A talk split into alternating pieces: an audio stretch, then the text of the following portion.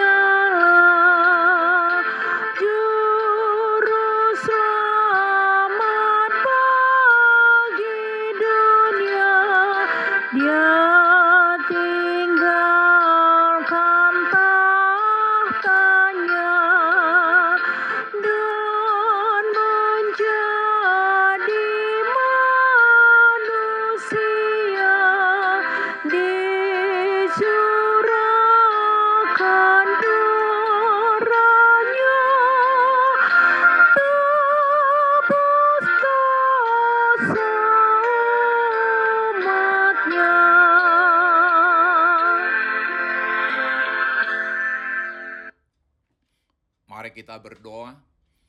Tuhan Yesus, di pagi hari ini kami hendak merenungkan firman-Mu.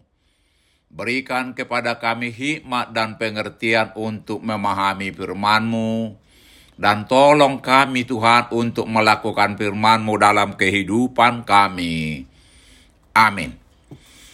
Saudara-saudara yang dikasihi Tuhan Yesus, firman Tuhan untuk kita renungkan di pagi hari ini terambil dari Matius 5 ayat 4 dengan tema bahagianya orang yang berduka cita, demikian firman Tuhan. Berbahagialah orang yang berduka cita karena mereka akan dihibur.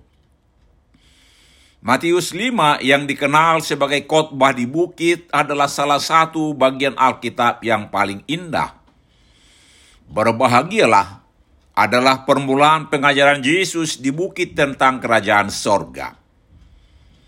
Melalui pengajarannya ini, Yesus melatih, mendidik, dan mengajar orang banyak dan kita bahwa menjadi warga kerajaan sorga haruslah bersikap lemah lembut, pembawa damai, suci hati, murah hati dan setia pada kebenaran firman Tuhan, tidak seperti warga kerajaan duniawi yang berebut kekuasaan, sombong, atau munafik.